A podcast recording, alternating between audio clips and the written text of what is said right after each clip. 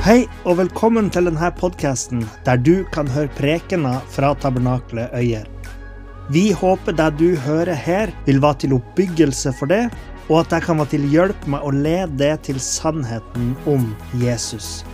Hvis du ønsker å finne ut mer om oss, kan du gå inn på hjemmesida vår på tabernakletoyer.no.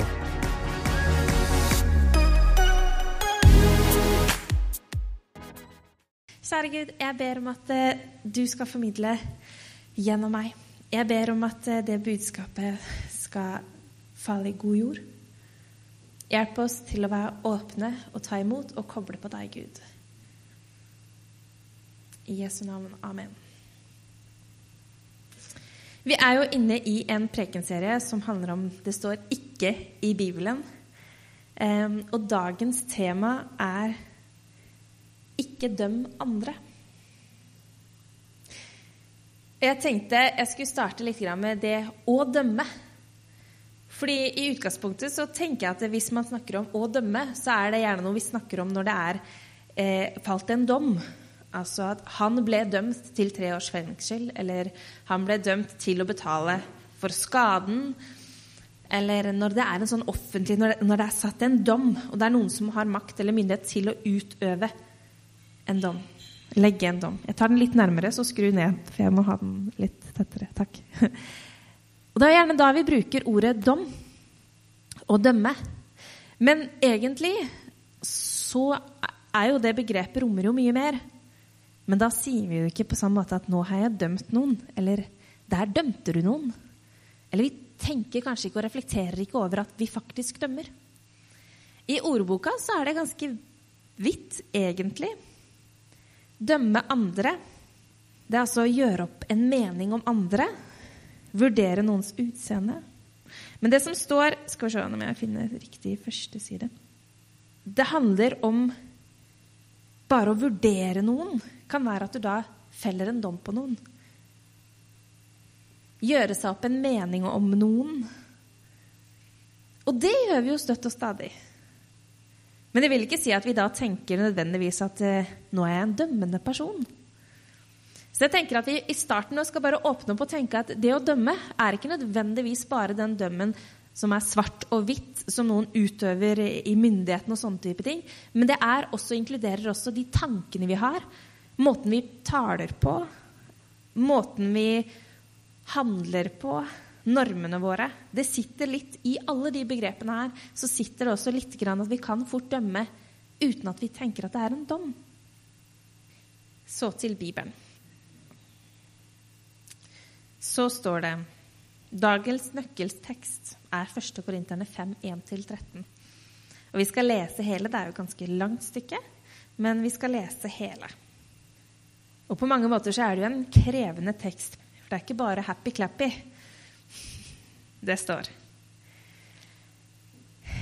Rett ut sagt, en hører om hor blant dere. Det er altså da Paulus som skriver til menigheten i Korint. Han er ikke der sjøl, men han har jo fått høre hva som foregår, og så skriver han da til dem. Og da sier han, Rett ut sagt, en hører om hor blant dere, og det er en form som ikke engang hedningene tåler, nemlig at en mann lever med sin fars kone. Og likevel er dere stolte. Dere burde ha kjent sorg og vist, vist bort fra dere den som har gjort dette. For jeg som er fysisk fraværende, men nærværende i ånden, har alt felt min dom over den som har gjort dette, som om jeg selv var til stede. Når dere samles i Herrens Jesu, Herre Jesu navn, når jeg er til stede i ånden og vår Herre Jesu kraft er med oss, da skal dette mennesket overgis til Satan slik at kroppen hans blir ødelagt. Men ånden kan bli frelst på Herrens dag.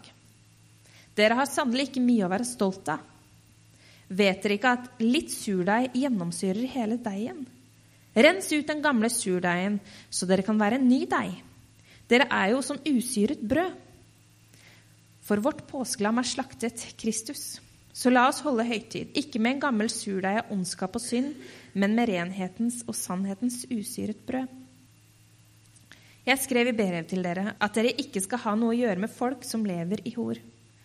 Jeg mente ikke alle i denne verden som driver med hor, eller grådige, eller er ransmenn eller avgudsdyrkelse.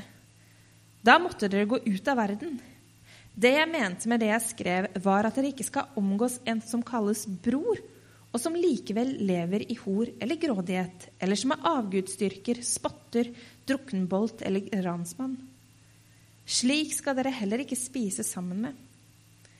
Hva har jeg med å dømme dem som står utenfor? Er det ikke dem som er innenfor, dere skal dømme? Dem som står utenfor, skal Gud dømme. Få da den onde bort fra dere. Nå smiler Bjarne litt lurt. Så tenker han ja, hva skal vi, hvor skal vi nå? For det er jo rett og slett snakk om kirkedisiplin. Og det er vi jo kanskje ikke så vant med nå. Vi utøver det i hvert fall ikke, for det er ganske kvast. Det er ganske direkte. Men i det så må vi huske på at det er snakk om her en ganske spesifikk sak. Den har ganske flere karakteristiske trekk som er tydelige. For det første så var det altså en pågående og en konsekvent handling. Det var ikke et engangstilfelle. Det er ikke snakk om her at det var en i menigheten i Korint som hadde synda en gang og kjente det i hjertet sitt at dette var feil. Jeg angrer. Jeg ber om tilgivelse. Det var det ikke. Her var det snakk om noe som var pågående, som holdt på, konsekvent. Han hadde da et forhold til sin fars kone, et forhold som alle visste om. Nummer to det var, det var uforsonlig. Det, det, var på en måte ikke mulig å forsone det med Kristi ord og Bibelen og det livet som jeg er ment å leve. Det var rett og slett ikke mulig. I tillegg så var det sånn at de som gjorde det, ikke så noe galt med det. Altså, de levde på den måten bevisst. La ikke skjul på det. Men det her er greit, liksom. De levde åpent om det. Og i tillegg så var det sånn at alle i menigheten fremstår det her, alle i menigheten i fellesskapet visste om det, men ingen sa noe. Så det her er ikke snakk om at noen har gjort en liten feil, og da er du ute av menigheten. Det er ikke det Paulus sier. Men her er det en ganske sånn stor sak som alle vet at egentlig ikke er greit. Og som det står at selv ikke hedningene syns at dette er greit. Altså Ikke engang de utafor syns at det er greit. Og samme er jo i dag. Altså, ingen vil vel si at det er greit å ha et forhold med noen som egentlig er gift, og i tillegg innad i familien. Det er jo feil på veldig mange plan. Men dette skjer da inne i menigheten, og de velger å ikke gjøre noe med det. Da kommer Paulus og sier, 'Her skal dere handle'. For det er ofte sånn, eller ofte, men du ser jo her at de gjør jo egentlig kanskje litt sånn som vi gjør nå, at alle skal passe sin egen sak. Og Det var jo det menigheten gjorde, at de passa sine egne saker. Og Hvis alle gjør det, så blir det helt sikkert greit. Men her sier jo nettopp Paulus at de skal vi dømme. Dømme i den forstand at vi skal gjøre det i ånden. Vi skal ta det sannhet. For vi skal få lov til å hjelpe hverandre til å holde oss på en god sti, på Guds vei.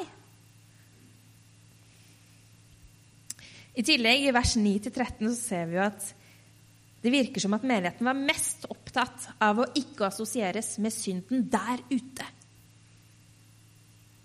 Det var liksom det verste. Men synden her inne, den ser vi ikke. For vi er jo innafor, så da er det greit.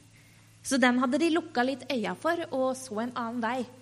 Og var egentlig fornøyd med at vi har det fint her.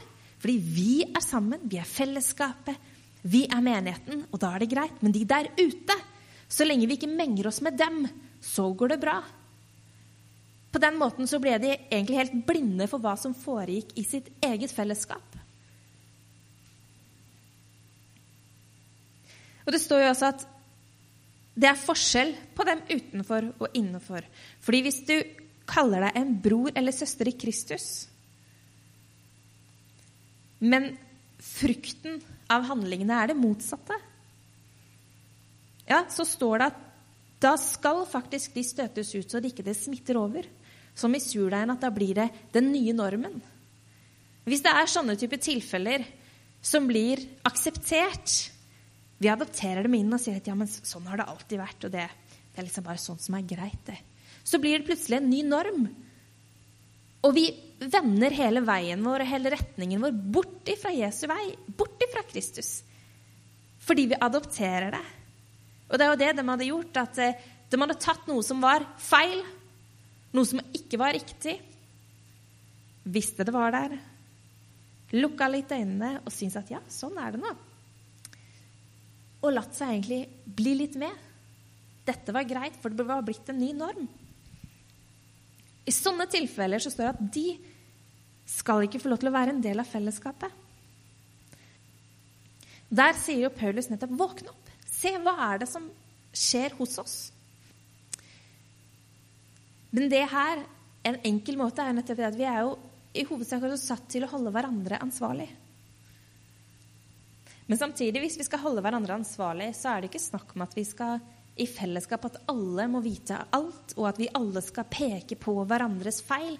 For det tror jeg ikke det er ment. Men jeg tror at det er ment at vi har også et ansvar for hverandre.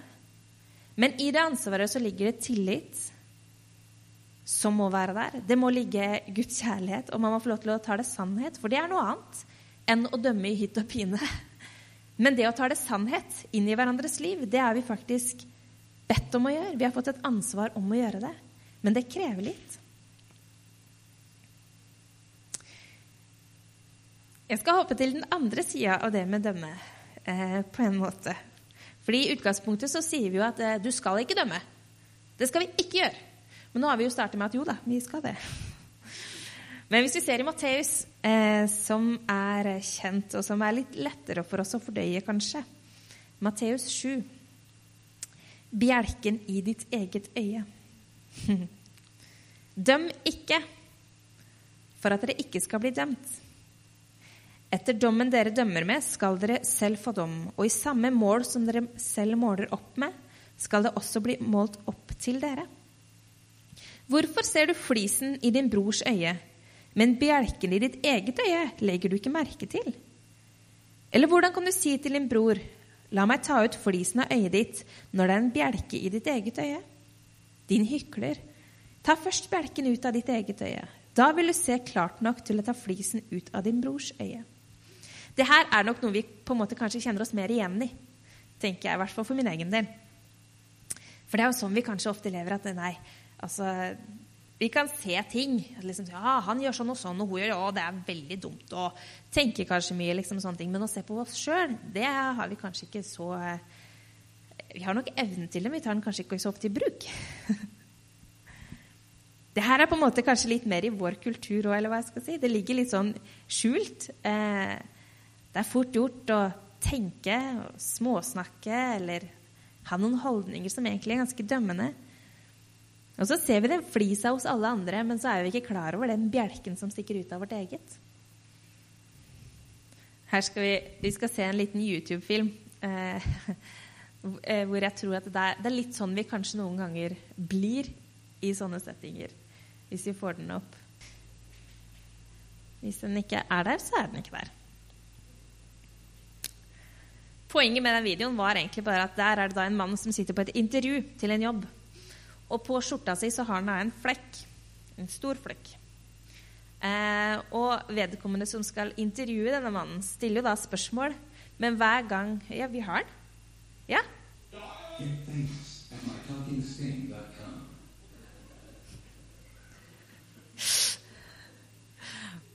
Greia er jo nettopp det at ofte så kan de tingene vi ser hos andre, blir så store at vi klarer jo ikke se personen i det hele tatt. Vi blir så opptatt av det som er gærent. Og for det første så klarer vi ikke si det som det er. Du, du har en flekk på skjorta di, altså. Istedenfor så sitter da han bare og fokuserer på den flekken og får ikke med seg noe annet. Og den lever jo litt sitt eget liv.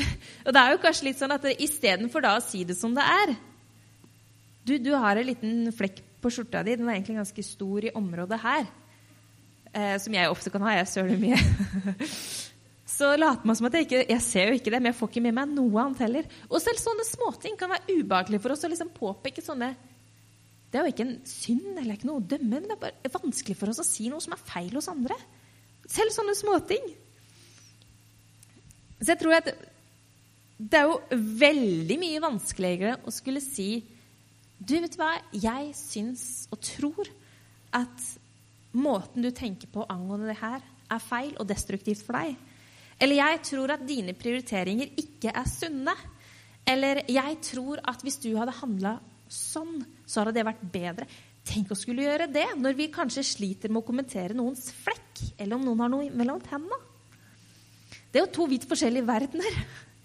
Hvor mange er det som sier ifra hvis noen andre har en flekk på genseren? Å, Ingrid litt sånn. Anita gjør det. Anita kan vi stole på. Har du en flekk, så kommer Anita til å si det. Det er godt, da.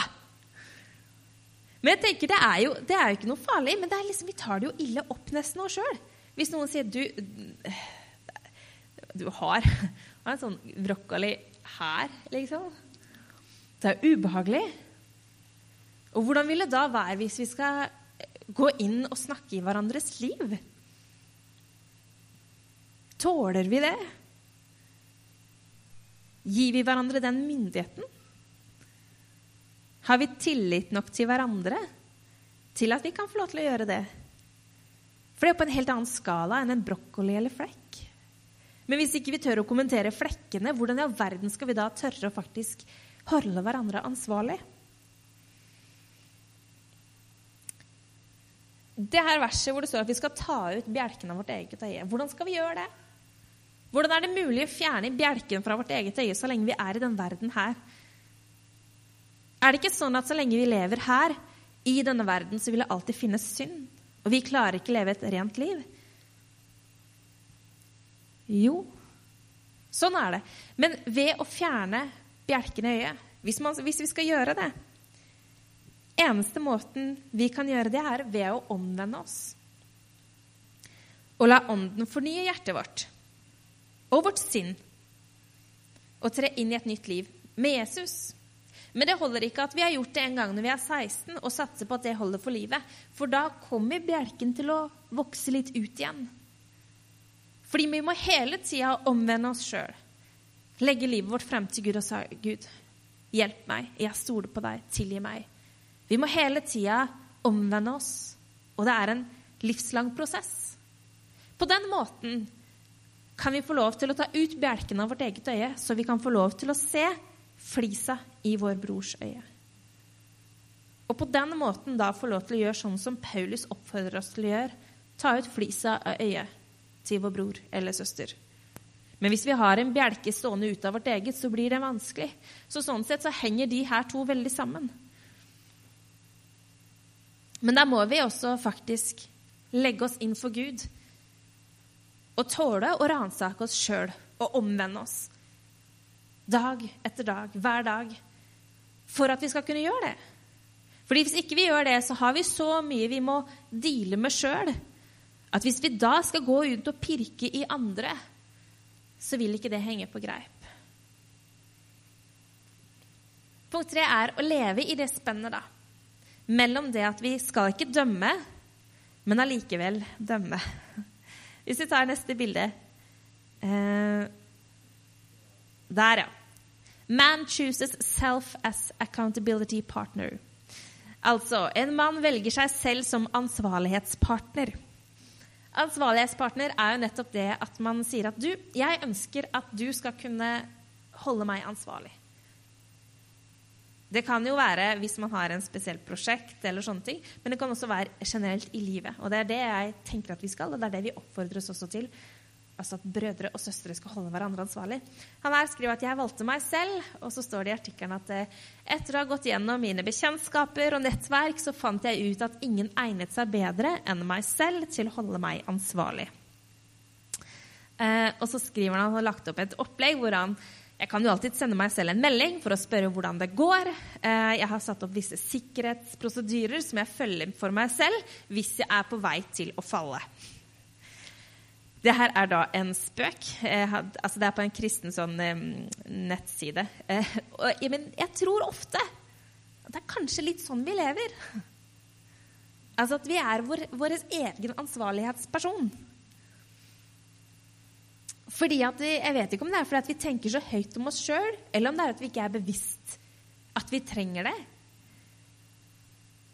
Men ofte så tror jeg kanskje at vi kan havne litt der. At ja, men jeg, jeg vet jo hva som er rett og feil. Så jeg, jeg orienterer meg selv. Jeg vet eh, hva jeg bør prioritere. Jeg vet noenlunde hvilke normer og verdier jeg skal ha, og hva Bibelen sier. Så jeg, jeg styrer skuta. Er jeg på feil retning, så korrigerer jeg underveis.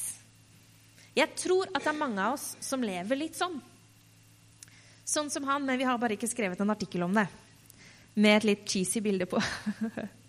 Men jeg tror det. At det er fort gjort at vi lever sånn. Men dere, som er min menighet Jeg tror at vi skal ta Paulus litt mer på alvor.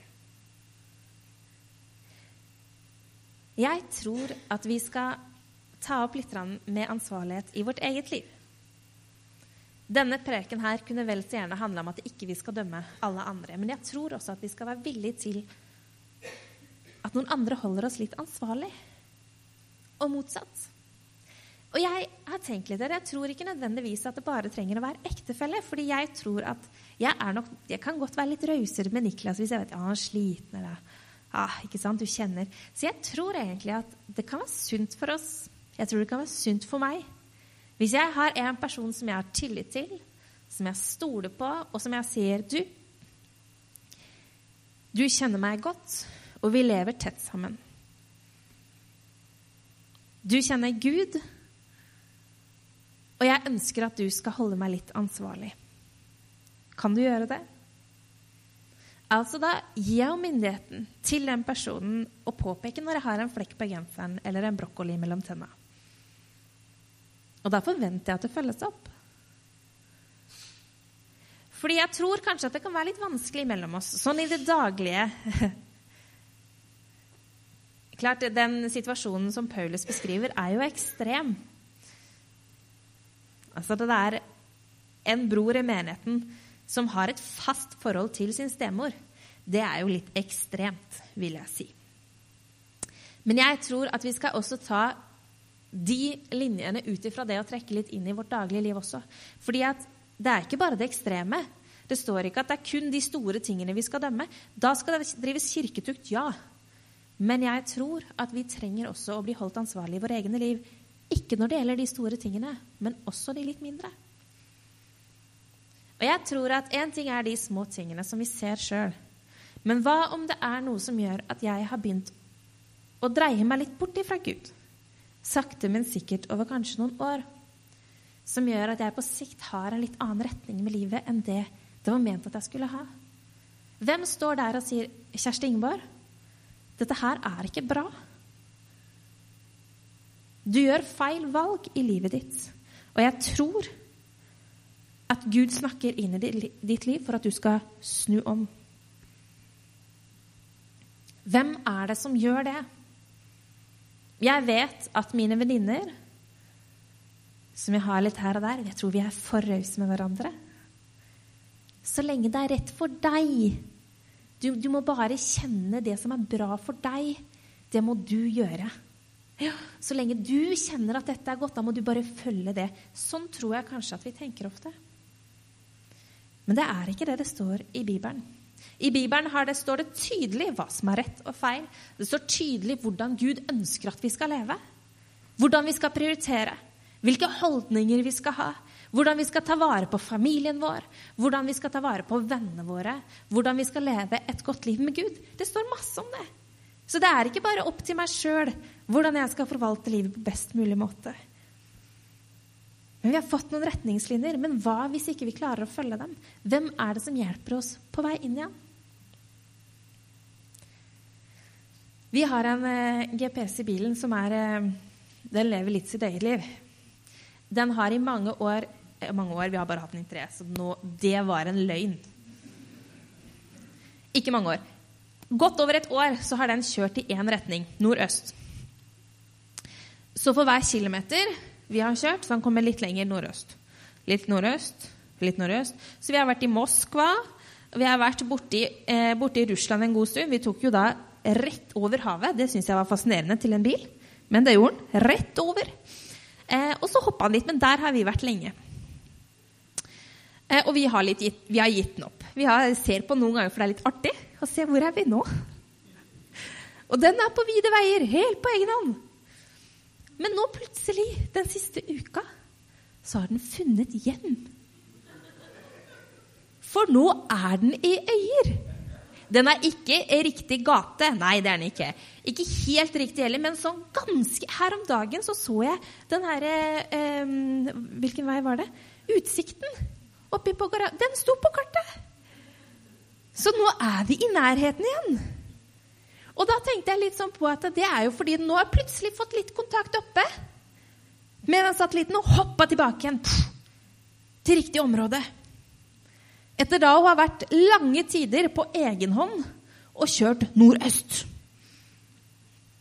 Jeg tenker at det kan være litt sånn at hvis vi kjører én retning lenge uten kontakt, opp med Gud, så kan vi havne i Russland. Da kan vi havne langt bort. Men det vil ikke si at det er umulig å komme tilbake. Men da må vi få kontakt med Gud igjen og havne tilbake igjen i Øyer, som er det fantastiske Guds sted. Da kommer vi tilbake igjen og får kontakt. Men tenk så fint hvis noen hadde hjulpet den GPS-en litt før han kom til Russland. Tatt en liten restart og sagt hei, hei, hei. Dette er ikke riktig. Du er på vei inn i Sverige. Dette stemmer ikke. Tatt en liten restart da. Tilbake. Nå fungerer du igjen. Du har kontakt. Litt sånn tenker jeg at vi bør være med også. Vi trenger ikke la det så gå, gå så langt til at vi havner i Russland før vi sier ifra. Både vårt eget liv, men også med hverandre. Ikke la din søster eller din bror havne i Russland før du sier noe. Ikke stå og se på. Men tør å vær den søster og bror som du er satt til å være. For vi er satt til å være et fellesskap med hverandre hvor vi også skal holde hverandre litt ansvarlig. Da må vi tørre å si du, nå trenger du kontakt med Gud, for nå er du på vei til Russland. Men da må vi tørre å si det.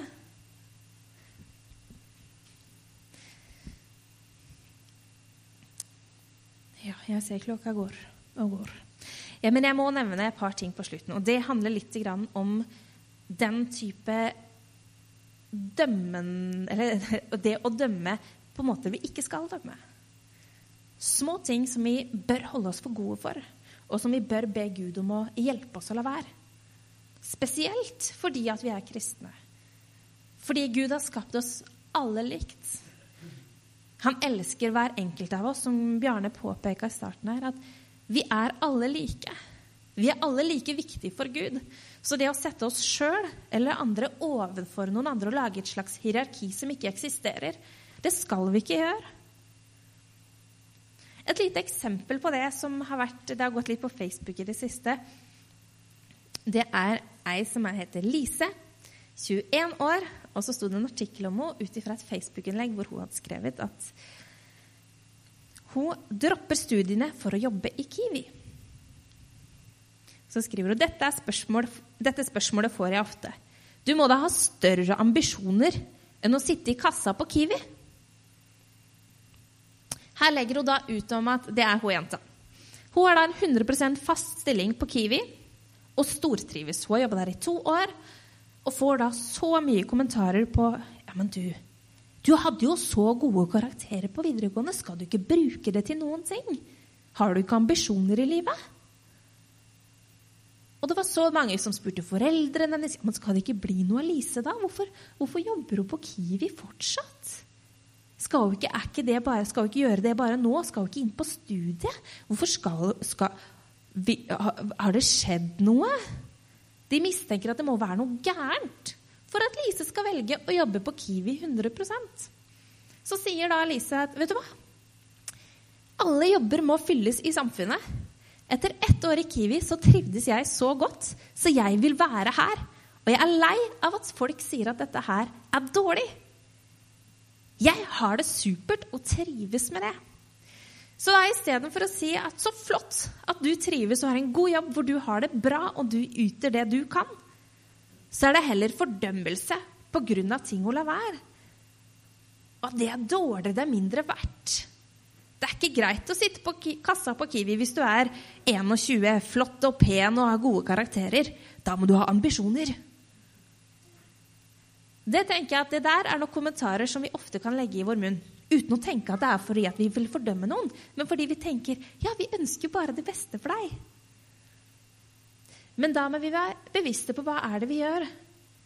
Er vi oppriktig nysgjerrige? Du, hva ønsker du med livet ditt? Eller det du gjør nå, det er da Det er da ikke så mye å skryte av, er det det? Kan du ikke bedre? Det er en sånn liten ting, men allikevel så tror jeg at det er fort gjort for oss å stille sånne spørsmål som fort kan bli dømmende. Noe vi også kanskje fort kan gjøre, er jo å slenge ut kommentarer eller tenke tanker angående situasjoner vi ikke kjenner til. Det kan være iblant oss, hvor det er noen vi ser sjeldent. Og så kan vi ha en kanskje sånn ja, Nei, de prioriterer nå egentlig ikke menigheta, så det, det er nå sånn det er, liksom. De er aldri her uansett.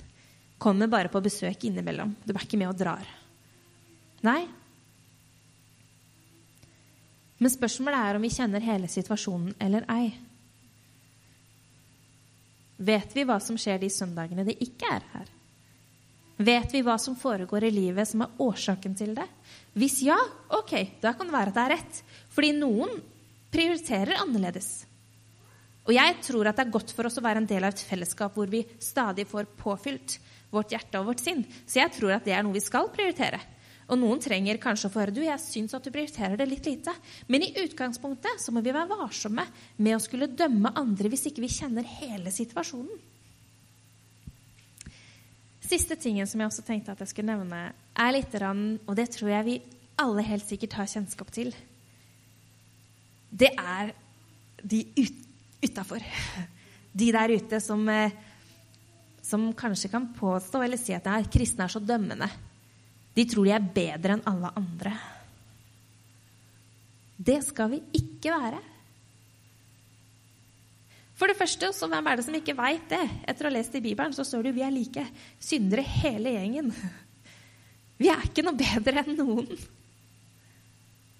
Vi er like avhengig av nåden hver dag, alle sammen. Om du er innafor eller utafor, så er vi uansett avhengig av den. Og Det går litt på det at vi skal ikke sette oss sjøl på en hest som ikke eksisterer. Men vi skal være varme nok og inkluderende nok. Og vi skal få lov til å vise den kjærligheten Gud har gitt til oss. Og da skal vi ha stort nok sinn til at vi skal ikke dømme. Vi kan være åpne og lytte.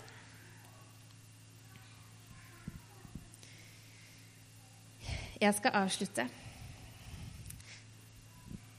Det jeg tenkte at dette temaet handlet om, var at ja, vi skal få lov til å dømme når det trengs, men det er ikke det samme å gi en dom som det Jesus gjør. Det er vi ikke kalt til. Men vi er kalt til å ta det sannhet inn i hverandres liv. Det er vi kalt til. Og det oppfordrer oss til å gjøre i Bibelen. På den andre siden så er vi ikke dømt Vi er ikke valgt til å dømme alle andre rundt oss når vi har bjelken stående ut av vårt eget øye. Det er ikke vår plass, og det skal vi være veldig takknemlige for.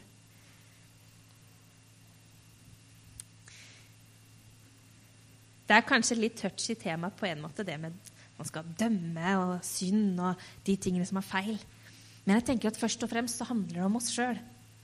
Hvem er det du har invitert inn i ditt liv til å si du, du kan få lov til å korrigere meg når jeg er på vei mot Russland. Ta meg til side hvis du ser noe som er feil i mitt liv. Det er det første vi kan gjøre sjøl. Andre er at vi kan be Gud om nåde hver dag til at ikke vi skal dømme. De rundt oss, barna våre, naboene våre, kassa på Kiwi. Men at vi skal få lov til å se hvert enkelt menneske for dem Gud har skapt dem til å være. Og takke Gud for at det, han har skapt oss så forskjellig. Jeg vil be litt til slutt, og så skal Robert få lov til å lede oss i lovsang. Kjære far, takk for at du har en så stor nåde til oss. som er nok for hver dag, og som rommer oss, hele meg og hele oss.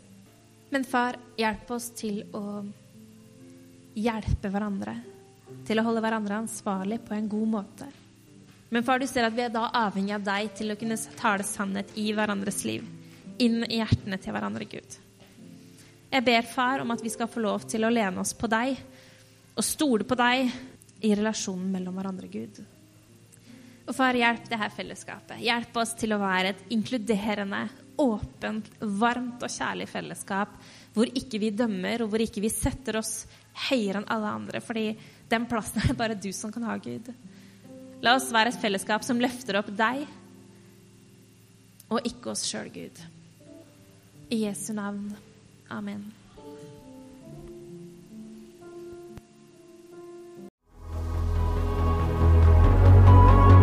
Takk for at du hørte på. Hvis du tok et steg i tro i dag, eller du har noe du ønsker forbønn for, så vil vi gjerne høre fra det via e-postadressen kontakt alfakrølltabernakletOyer.no. Du er òg velkommen til våre ukentlige gudstjenester i menighetslokalet i Haugskutua 5 26 36 Øyer.